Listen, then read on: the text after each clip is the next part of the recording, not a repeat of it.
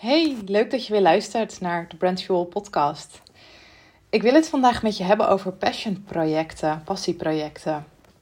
Want um, zoals je misschien wel hebt gezien op uh, socials, heb ik vorige week mijn website gelanceerd. Um, en eigenlijk uh, is dat wel een passieproject van mij geweest. Want ja, er zitten zoveel uren in. En ik vond het eigenlijk altijd heel lekker en leuk om aan te werken. Um, en vooral, ja, wat ik er leuk aan vond, was dat ik allerlei nieuwe dingen kon gaan proberen.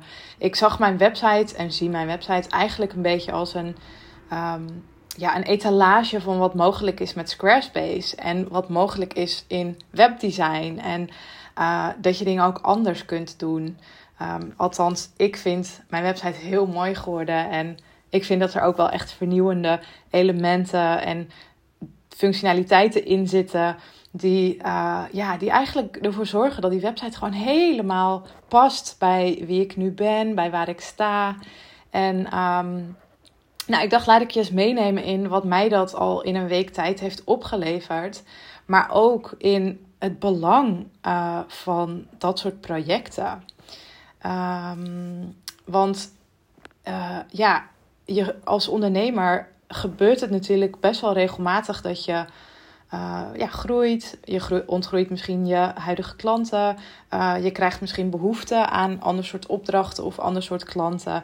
En soms is het best lastig, zeker als creator, als creatief, uh, om dan de switch te gaan maken naar dat nieuwe. Want ja, wie is dat dan? Hoe trek je die aan? wat willen zij zien?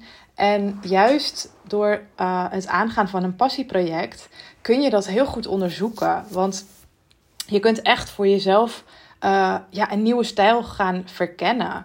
Uh, je kunt dingen veranderen, je kunt een nieuwe, nieuwe richting ingaan. het is super leuk om, om dat te ontdekken. Om, om te kijken van hé, hey, waar, waar zit dan dat stukje stijl? Of misschien dat stukje tone of voice. Of ja, dat, dat nieuwe, wat die nieuwe klant die ik graag wil gaan aantrekken, uh, zoekt.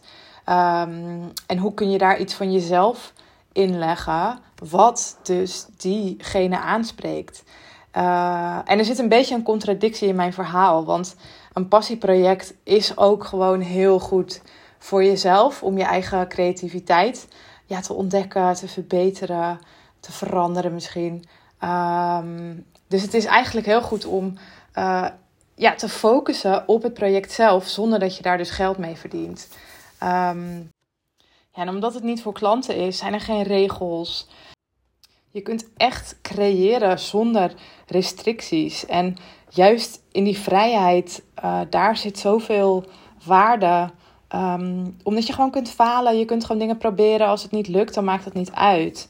Um, en ja, een veel ge gehoord excuus uh, bij passieprojecten is ook wel, ja, waar haal ik die tijd vandaan? Uh, ik werk liever voor mijn klanten, dan verdien ik geld. Um, ja, en, en dat is natuurlijk allemaal waar.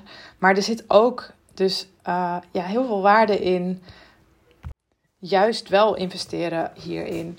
Want wat je natuurlijk ook kan doen, is je, je weg hier naartoe documenteren. Daar kun je leuke content over maken.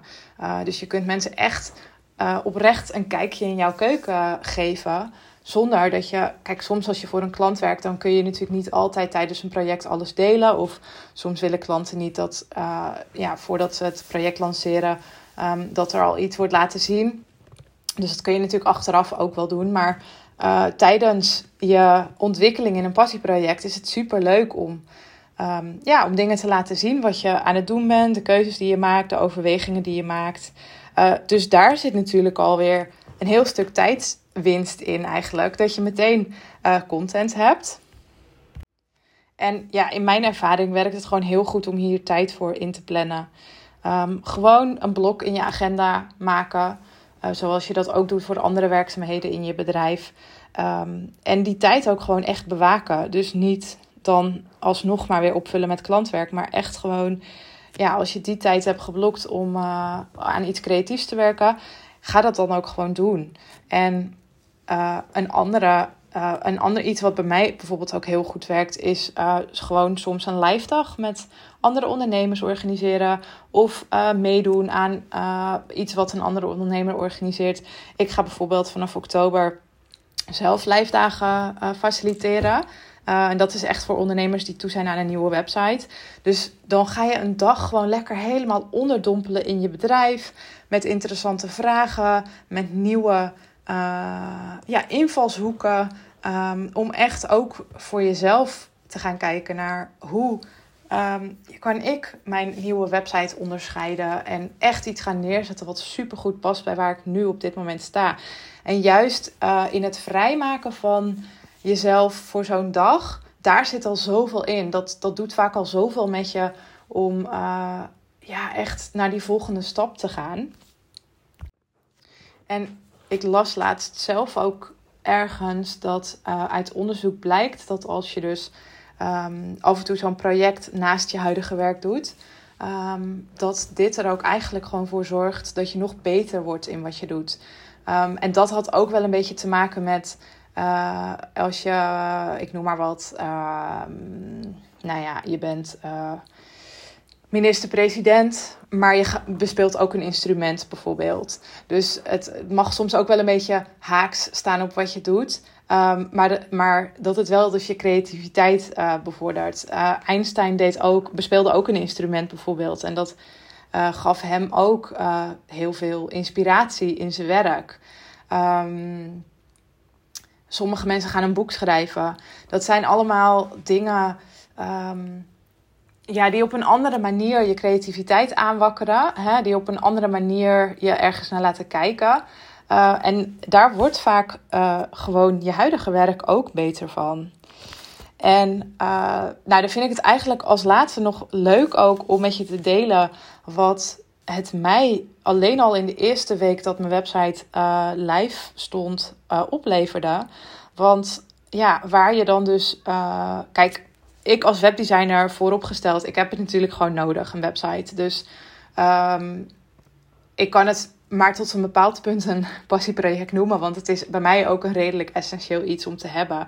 Maar ik heb wel um, bewust daar uh, de tijd voor genomen en ook onderzocht hoe vind ik het leuk om deze website vorm te geven. Welke mensen trek ik aan om me hierbij te helpen, om uh, mijn blinde vlekken zichtbaar te maken en om uh, juist echt datgene eruit te krijgen wat ik zo belangrijk vind om te laten zien. Um, en ja, in, daarin lag het gewoon heel erg verscholen dat ik het dus ook super leuk vond om hier aan te werken. Um, ik kreeg meteen drie aanvragen voor een kennismaking. Uh, ik kreeg een aanvraag voor een samenwerking. Uh, en er was een hele leuke ondernemer die zei: Lian, ik uh, wil jou graag op mijn website zetten. Zij is copywriter. En zij zei: Ik stuur met liefde mijn klanten naar jou door. Want ik vind niks zo erg als dat, dat ik. Prachtige teksten voor hun heb gemaakt en dan gaan ze zelf een website bouwen. En dat doet eigenlijk die teksten te niet. Dus mag ik jou op mijn website noemen als zijnde uh, dat ik mensen naar jou doorverwijs. Nou, dit zijn natuurlijk super uh, waardevolle en leuke resultaten die alleen al nu daaruit zijn gekomen. Ik ben daar super blij mee. Nog los van de leuke gesprekken die ik heb gevoerd, de feedback die ik van een aantal mensen heb gekregen, die super waardevol was en ook gewoon zo mooi. En ja, ik, ik werd daar heel. Um, nou, ik vond dat heel ook lief en inspirerend en uh, bijzonder dat mensen de tijd namen om uh, hun visie en hun mening te delen over wat ik heb gecreëerd. Um, dus dat is wat een passieproject je uiteindelijk ook kan opleveren. En ja, vooral natuurlijk. je hoopt natuurlijk vooral die klanten te gaan aantrekken die je ermee wil aantrekken. Um, dus ja, het kan een beetje zoeken zijn in het begin naar ja, hoe voor, geef je dat dan vorm? Um, soms kan het uh, werken door een soort briefing voor jezelf te schrijven. Uh, om, ja, sommige mensen hebben het nodig om wat kaders te hebben. En soms is het lastig natuurlijk om die kaders voor jezelf um, te schetsen. Want ja, je bent dus zelf je opdrachtgever en je opdrachtnemer. Maar uh, ja, daar zijn natuurlijk ook wel weer manieren. Online kun je ook wel briefings vinden waar je dan uh, aan zou kunnen werken. ehm, ja, vind jij het leuk om uh, hier met mij over in gesprek te gaan? Of ja, heb je zelf ook wel ideeën over uh, zoiets voor jezelf doen? Of misschien lijkt het je leuk om een keer mee te doen aan een live dag bij mij. Nou, kom dan vooral even bij me in de DM op Instagram. Dan ga ik graag met je in gesprek. En um, voor nu wens ik je een fijne dag of avond.